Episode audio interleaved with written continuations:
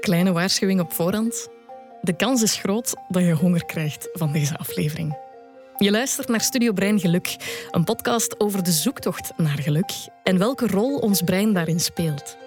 Vandaag ontdekken we dat onze hersenen een soepje zijn. Eigenlijk zijn onze hersenen een soep van verschillende signaalmoleculen of neurotransmitters. Dat ons geluk een taart is. Als we kijken naar geluk, dan zouden we dat kunnen beschrijven als een soort van taartdiagram die inderdaad bestaat uit drie belangrijke componenten. En ik praat met de crème de la crème van professoren en experten in de neurowetenschappen, psychologie en psychiatrie in een poging het geluk te vinden. Angst is eigenlijk de grote factor die verantwoordelijk is voor het veroorzaken van niet gelukkig zijn. Welkom bij Studio Brein Geluk, een podcast van Breinwijzer met de steun van het Nieuwsblad.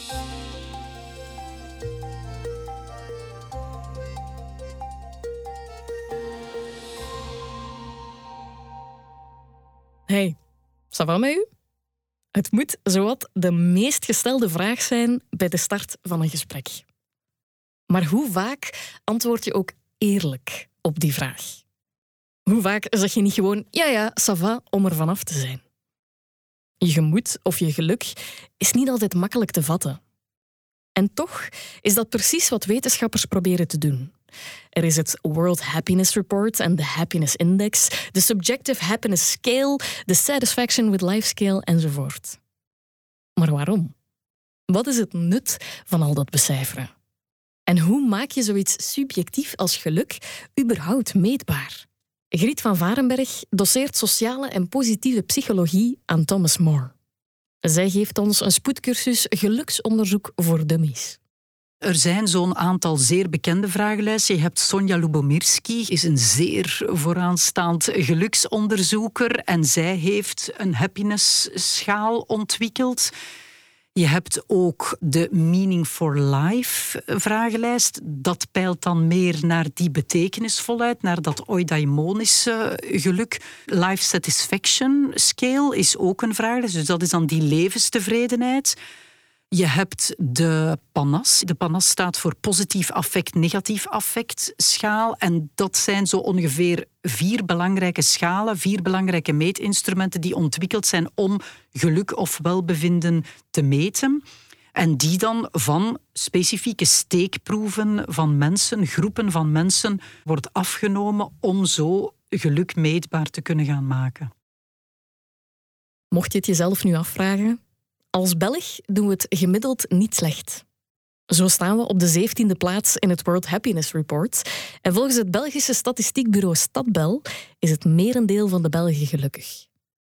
Maar ja, dat zegt nog niks over jouw persoonlijk geluk natuurlijk. Want plak daar maar eens een cijfer op. Niet evident. Als ik erover nadenk, begint het al een beetje te knetteren in mijn brein. Ik heb het dan maar gevraagd aan Jens den Donker. Hij is bekend als comedian en tv-maker, maar is net als ik al een aantal keer depressief geweest. Hoe kijkt hij naar zijn geluksscore? Ik vind dat super moeilijk om een geluksscore te geven, maar ik denk dat voor mij de belangrijkste parameters enerzijds zijn de relaties die ik op dit moment onderhoud met de meest prominente mensen in mijn leven. Dus dat is een paar mensen van mijn familie en een paar van mijn beste vrienden. En daar zou ik eigenlijk een heel hoge score geven. Ik denk een 8 of een 9 of 10 of zoiets. Omdat ik echt het gevoel heb dat ik close ben met een aantal mensen. Dat ik heel veel heb aan hun. En dat ik mij ook gezien voel in de zin dat ze ook wel wat inzichten door mij krijgen. En anderzijds, wat ik ook denk dat een belangrijke factor is, dat is gewoon mijn professionele schema en de rust die ik dan al dan niet kan inbouwen en de stress die daar dan recht evenredig mee is. En daar score ik op dit moment een pakje lager. Het is uh, al heel veel geweest de laatste tijd. En ja, ik denk dat ik daar nu uh, een zesje en zeven zit. Dus laten we nu eens zeggen, ergens tussen de negen wat betreft de vrienden en de relaties. En een zesje als het gaat over het professionele in mijn leven. Ja, neem daar het gemiddelde van. Dus dan denk ik dat nog altijd redelijk goed scoren je krijgt dat nooit echt vast natuurlijk. Hè. Dat geeft wel een indicatie. Ik denk dat dat nuttig is als gevoel dat je in een slechte periode zit te vergelijken met periodes of met andere momenten in je leven. Maar echt aanwijsbaar is dat niet. Hè. Griet is het daar helemaal mee eens. Als docent positieve psychologie weet ze maar al te goed dat geluk geen exacte wetenschap is. Ik denk dat we soms wat voorzichtig moeten omspringen met cijfers. Onderzoek is uiteraard nodig, maar cijfers zeggen niet altijd alles. Bovendien is het zo dat onderzoek vaak gebeurt op een steekproef van mensen. En dat wordt dan wel natuurlijk zo representatief mogelijk gedaan.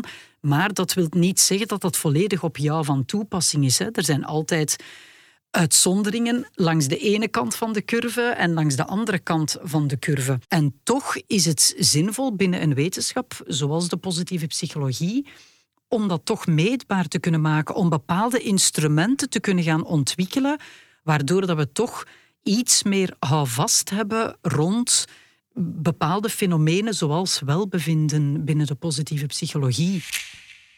Heel belangrijk zijn die studies, hè, omdat ons hele samenleving gebouwd is op bruto nationaal product. Hè. Dus als we maar rijker worden met z'n allen, dan zouden we ook gelukkiger worden. Dat was wat men ons voorgehouden heeft. Blijkt niet zo te zijn. Hè. Dus het onderzoek naar niet alleen het individueel geluk, maar het sociaal geluk. Hoe zit dat met groepen? Hè? Hoe zit dat in een dorp? Hoe zit dat in een land, in een cultuur? Dat is heel leerrijk, omdat je daarmee dingen ook kan vergelijken op grote schaal. En de mensen die dat analyseren kunnen grootschalige data gebruiken om daar vergelijkingen mee te doen, waar dat we met z'n allen slimmer van worden. Leo Bormans is een van de bekendste geluksprofessoren van ons land. Als ambassador of happiness duikt hij in al het wetenschappelijk onderzoek dat over geluk verschijnt. En probeert hij dat om te zetten naar laagdrempelige tips voor niet-wetenschappers zoals wij. Dankzij die research komen we steeds meer te weten over geluk en hoe het te vinden.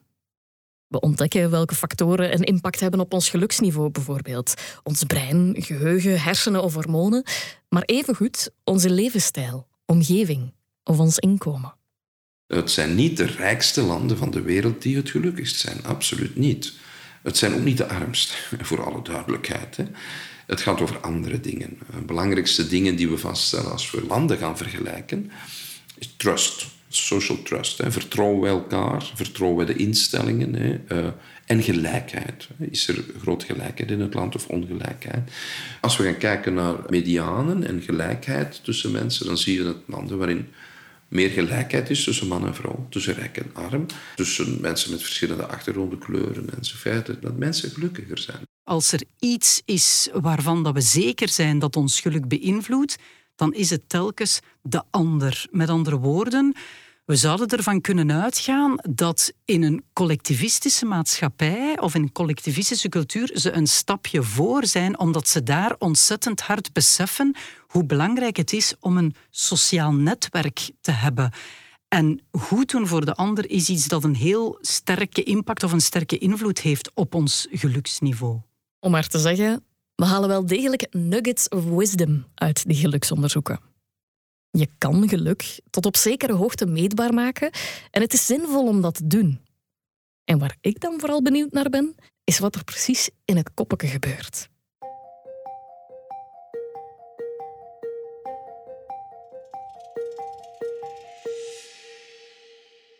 Het zit in de genen. Het is misschien wel het grootste en het meest frustrerende cliché uit de wetenschap. Je DNA is verantwoordelijk voor de kleur van je ogen en je haar, maar zoals we in het vorige seizoen van Studio Brein leerden, heeft het ook invloed op hoe slim je bent. En dus blijkbaar ook op hoe gelukkig. En dat is pech hebben, want dat betekent dat als mijn ouders niet de vrolijkste genen hebben, ik het ook heb zitten. Of valt dat wel mee? Als we kijken naar geluk, dan zouden we dat kunnen beschrijven als een soort van taartdiagram die inderdaad bestaat uit drie belangrijke componenten.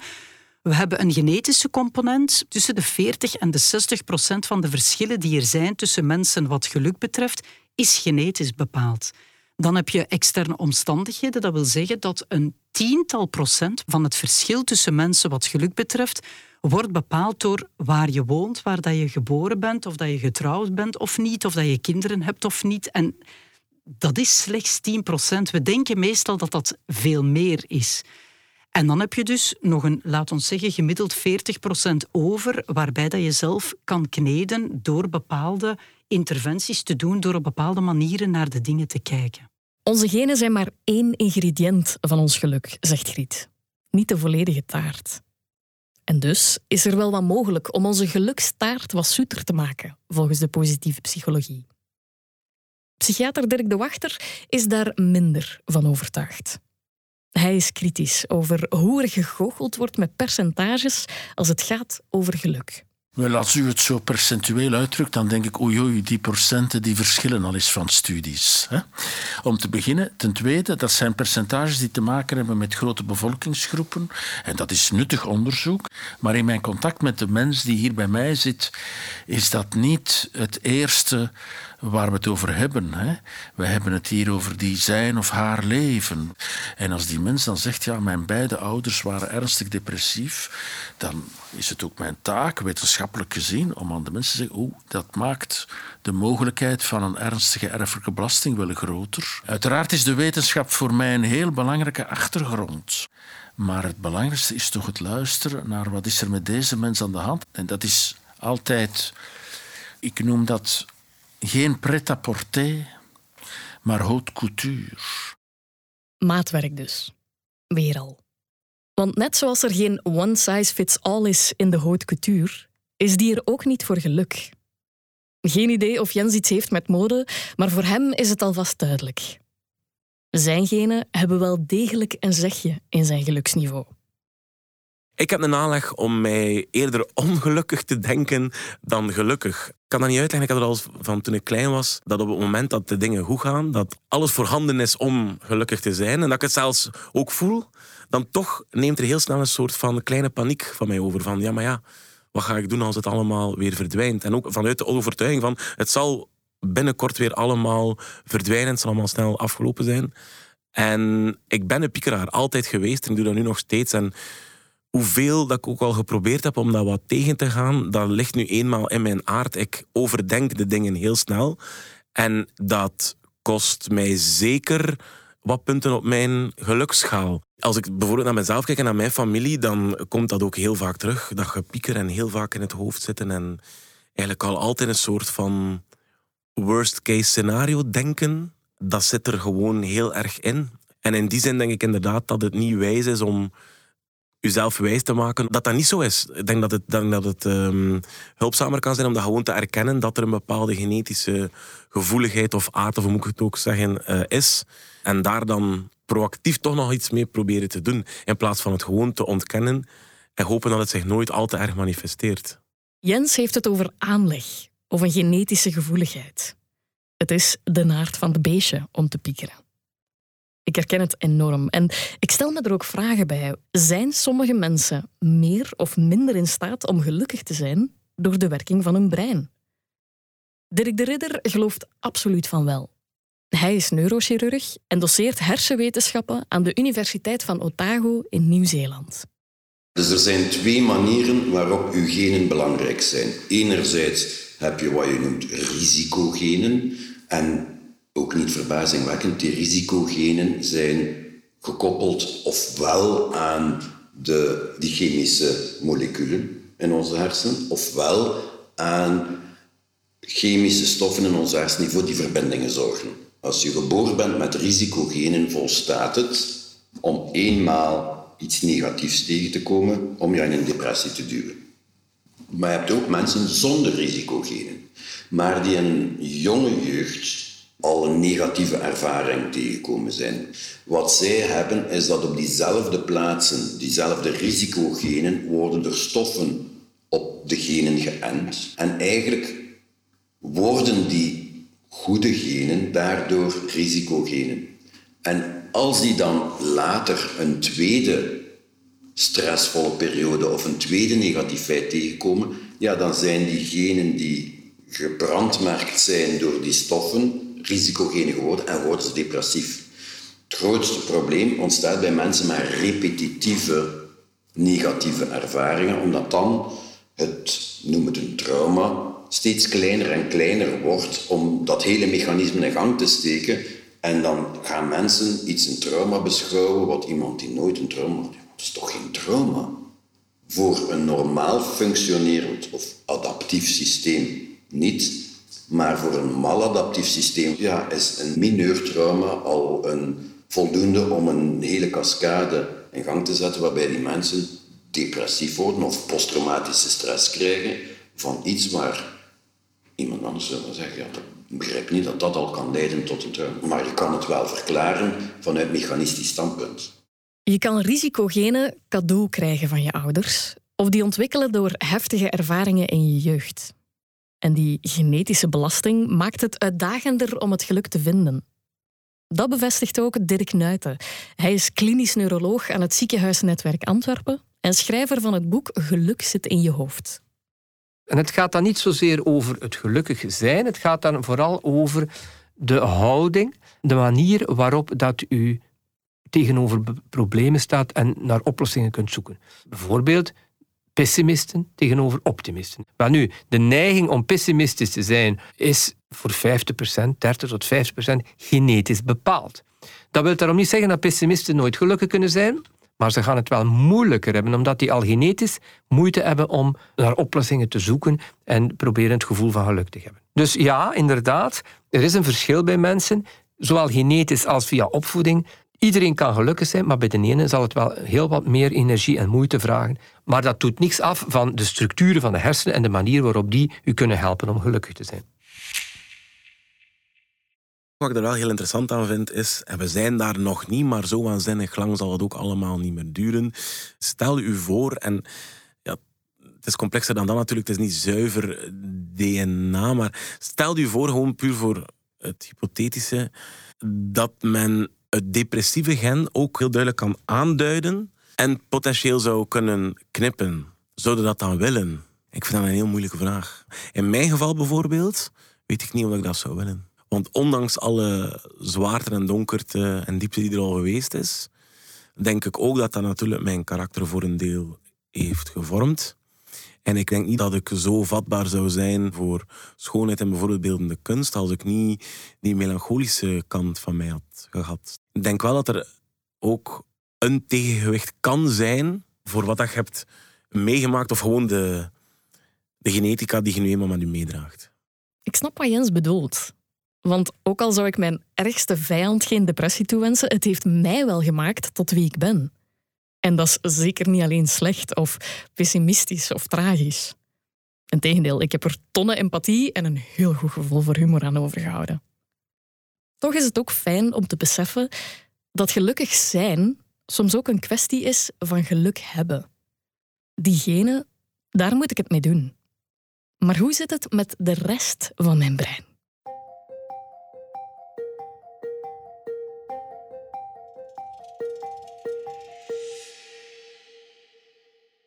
Wetenschappers proberen geluk te vatten in cijfers, statistieken en onderzoeken. Maar is geluk ook meetbaar of zichtbaar in het brein? Waar zit dat dan en wat kunnen we daaruit leren? Het is een vraag die neuroloog Dirk Nuiten al 30 jaar bezighoudt. Er zijn twee belangrijke systemen in de hersenen, zegt hij, die een rol spelen bij geluk. Enerzijds bestaat er in onze hersenen een soort beloningssysteem dat geactiveerd wordt wanneer bepaalde verlangens worden ingelost. Niet alleen het invullen van onze primaire behoeftes, maar ook eigenlijk bij het zien van bijvoorbeeld een mooie schilderij, het lezen van een spannend boek of het horen van een prachtig lied, wordt dit systeem, dat basissysteem in de hersenen geactiveerd en krijgen we een gelukzalig gevoel en wekt het positieve emoties bij ons op. Je kent het wel, dat kippenvelgevoel. Dat basissysteem in onze hersenen wordt het Brain Reward System genoemd. Het is gericht op beloning en draagt bij aan ons geluk. Elke keer als we een behoefte kunnen invullen, worden we een tikje gelukkiger. Maar het kan ook mislopen, zegt Dirk. Je hebt dus het basissysteem diep in de hersenen, dat losstaat van het cognitief vermogen en dat is ook bij dieren aanwezig en dat puur verantwoordelijk is voor genot. Maar dat maakt niet echt diep gelukkig, omdat men afhankelijk is van wat men aangeboden krijgt. Men moet eten hebben, men moet seksuele activiteit hebben, men moet geld hebben, men moet bevestiging hebben. Dat zijn zaken die nodig zijn om dat brain reward te activeren. En wanneer dat men dat niet heeft, dan is men niet gelukkig. En veel mensen ervaren een tekort. En dat komt omdat dat brain reward systeem te overheersend is in een brein. En daarom is het noodzakelijk om een tegengewicht te kunnen bieden via ons cognitief brein, waarbij dat we kunnen relativeren, waarbij dat we kunnen zaken binnen een groter perspectief zien.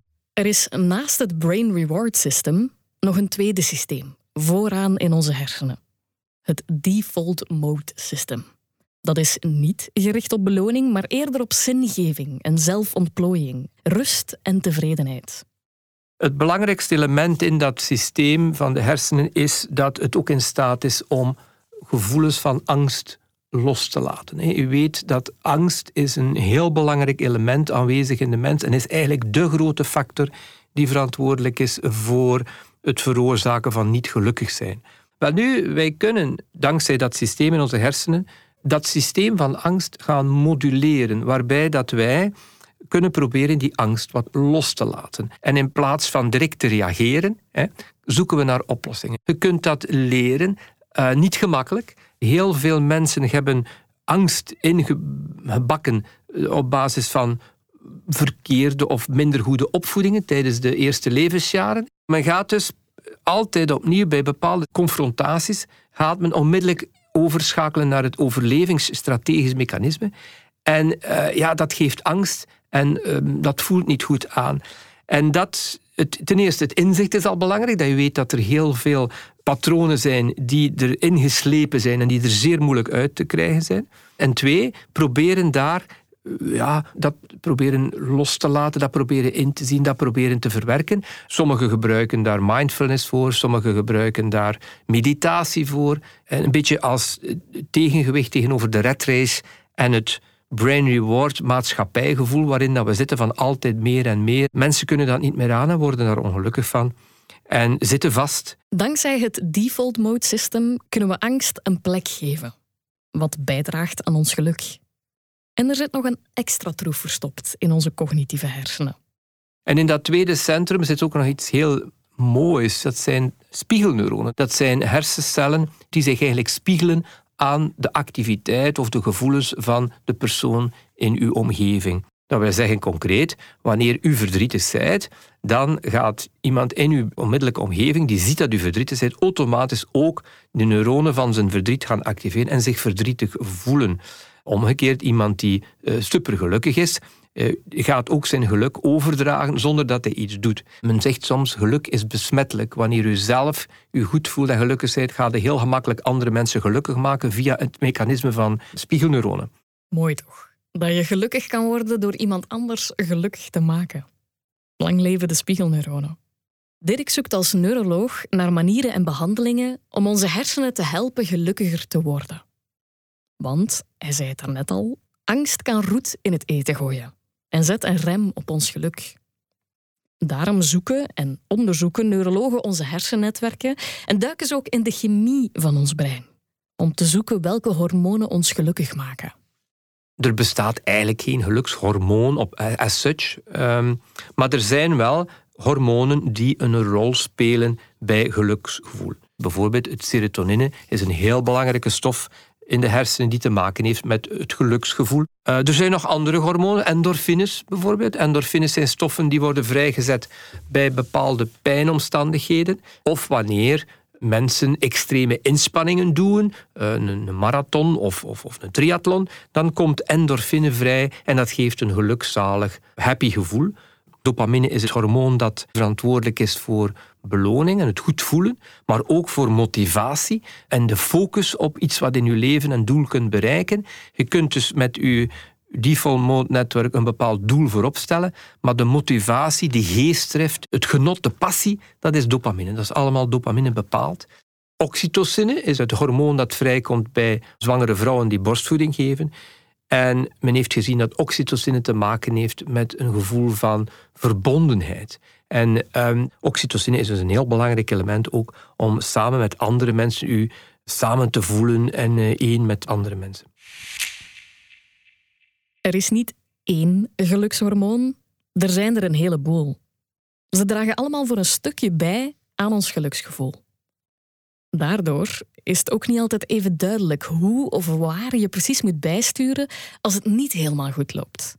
Dat zegt ook neurochirurg Dirk de Ridder. Vroeger zei men dat uh, depressie gelinkt was aan een gebrek aan serotonine.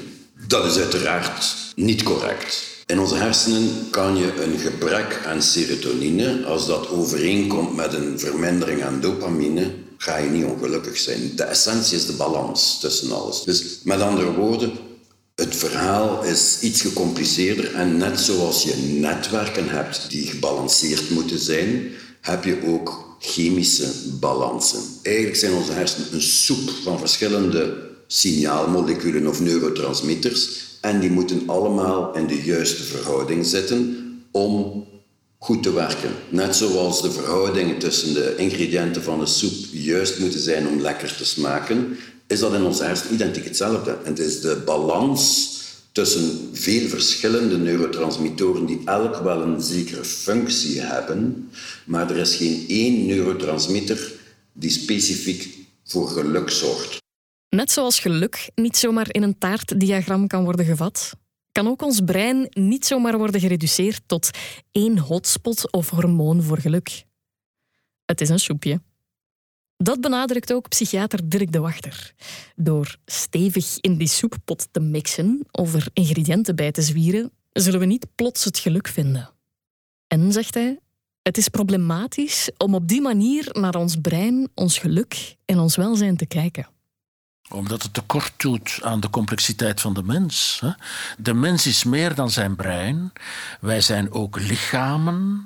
En ook dat lichamelijk functioneren is van groot belang in de gemoedsgesteltenis. En altijd opnieuw mijn stelling, het interactioneel functioneren. Uw partner, uw familie, uw medemensen, uw collega's. Naast het brein zijn de breinen van al die anderen van zeer groot belang in het goede gevoel van een mens. Ik zie dat heel erg in een bredere context. De mens blijft ook een mysterie. De mens blijft eigenlijk een heel moeilijk te vatten wezen waar we met onze theorieën over de neurotransmitters of de neurogenetica eigenlijk gezien hebben dat het nog veel ingewikkelder is dan dat we ooit hadden kunnen denken. En dat is mooi. Er zijn mensen die zeggen dat is toch erg dat we het nu niet allemaal verstaan. Ah nee, dat is juist goed. Hè? Dat het mens zijn toch ook iets onvatbaar blijft. Soms een beetje frustrerend als we het niet allemaal kunnen regelen. Maar stel dat er iets zou bestaan waarbij iedereen zich altijd goed voelt, dat was het einde van de menselijkheid. Ik hoop natuurlijk dat we wel verder onderzoek kunnen voeren naar medicatie die beter depressie kan behandelen. Maar ik ben ervan overtuigd dat we nooit met een neuromodel de oplossing van de wereld gaan vinden omdat de menselijkheid complexer is dan de neurobiologie. Maar dat is mijn overtuiging. Er zijn best collega's die daar anders over denken. En dat mag. Dat is voor, voor de volgende aflevering. Want neurochirurg Dirk de Ridder is het niet noodzakelijk eens met psychiater Dirk de Wachter. En gelooft wel dat geluk een haalbare kaart wordt met de hulp van de neurowetenschap. De ene Dirk is de andere niet. Benieuwd wat dat oplevert in de volgende aflevering van Studio Brein. Dit was aflevering 2 van Studio Brein Geluk. Een podcast van Breinwijzer met de steun van het Nieuwsblad. Je hoorde mij, Shalini van den Langenberg, en ook Leo Bormans, Griet van Varenberg, Dirk de Wachter, Dirk Nuiten, Dirk de Ridder en Jens den Donker. In de volgende aflevering van Studio Brein zoek ik uit hoe het geheugen een invloed heeft op ons geluk. Zijn we nog steeds primitieve oermensen gericht op overleven of kunnen we onszelf gelukkig denken? Het is minstens zo dat we ons zelf gelukkig kunnen herinneren. Niet vergeten dus, die volgende aflevering van Studio Brein Geluk. Deze reeks werd gemaakt door podcast Agentschap Uitgesproken. Heb je nog vragen of reacties? Dan zijn die welkom via info.breinwijzer.be. Bedankt voor het luisteren.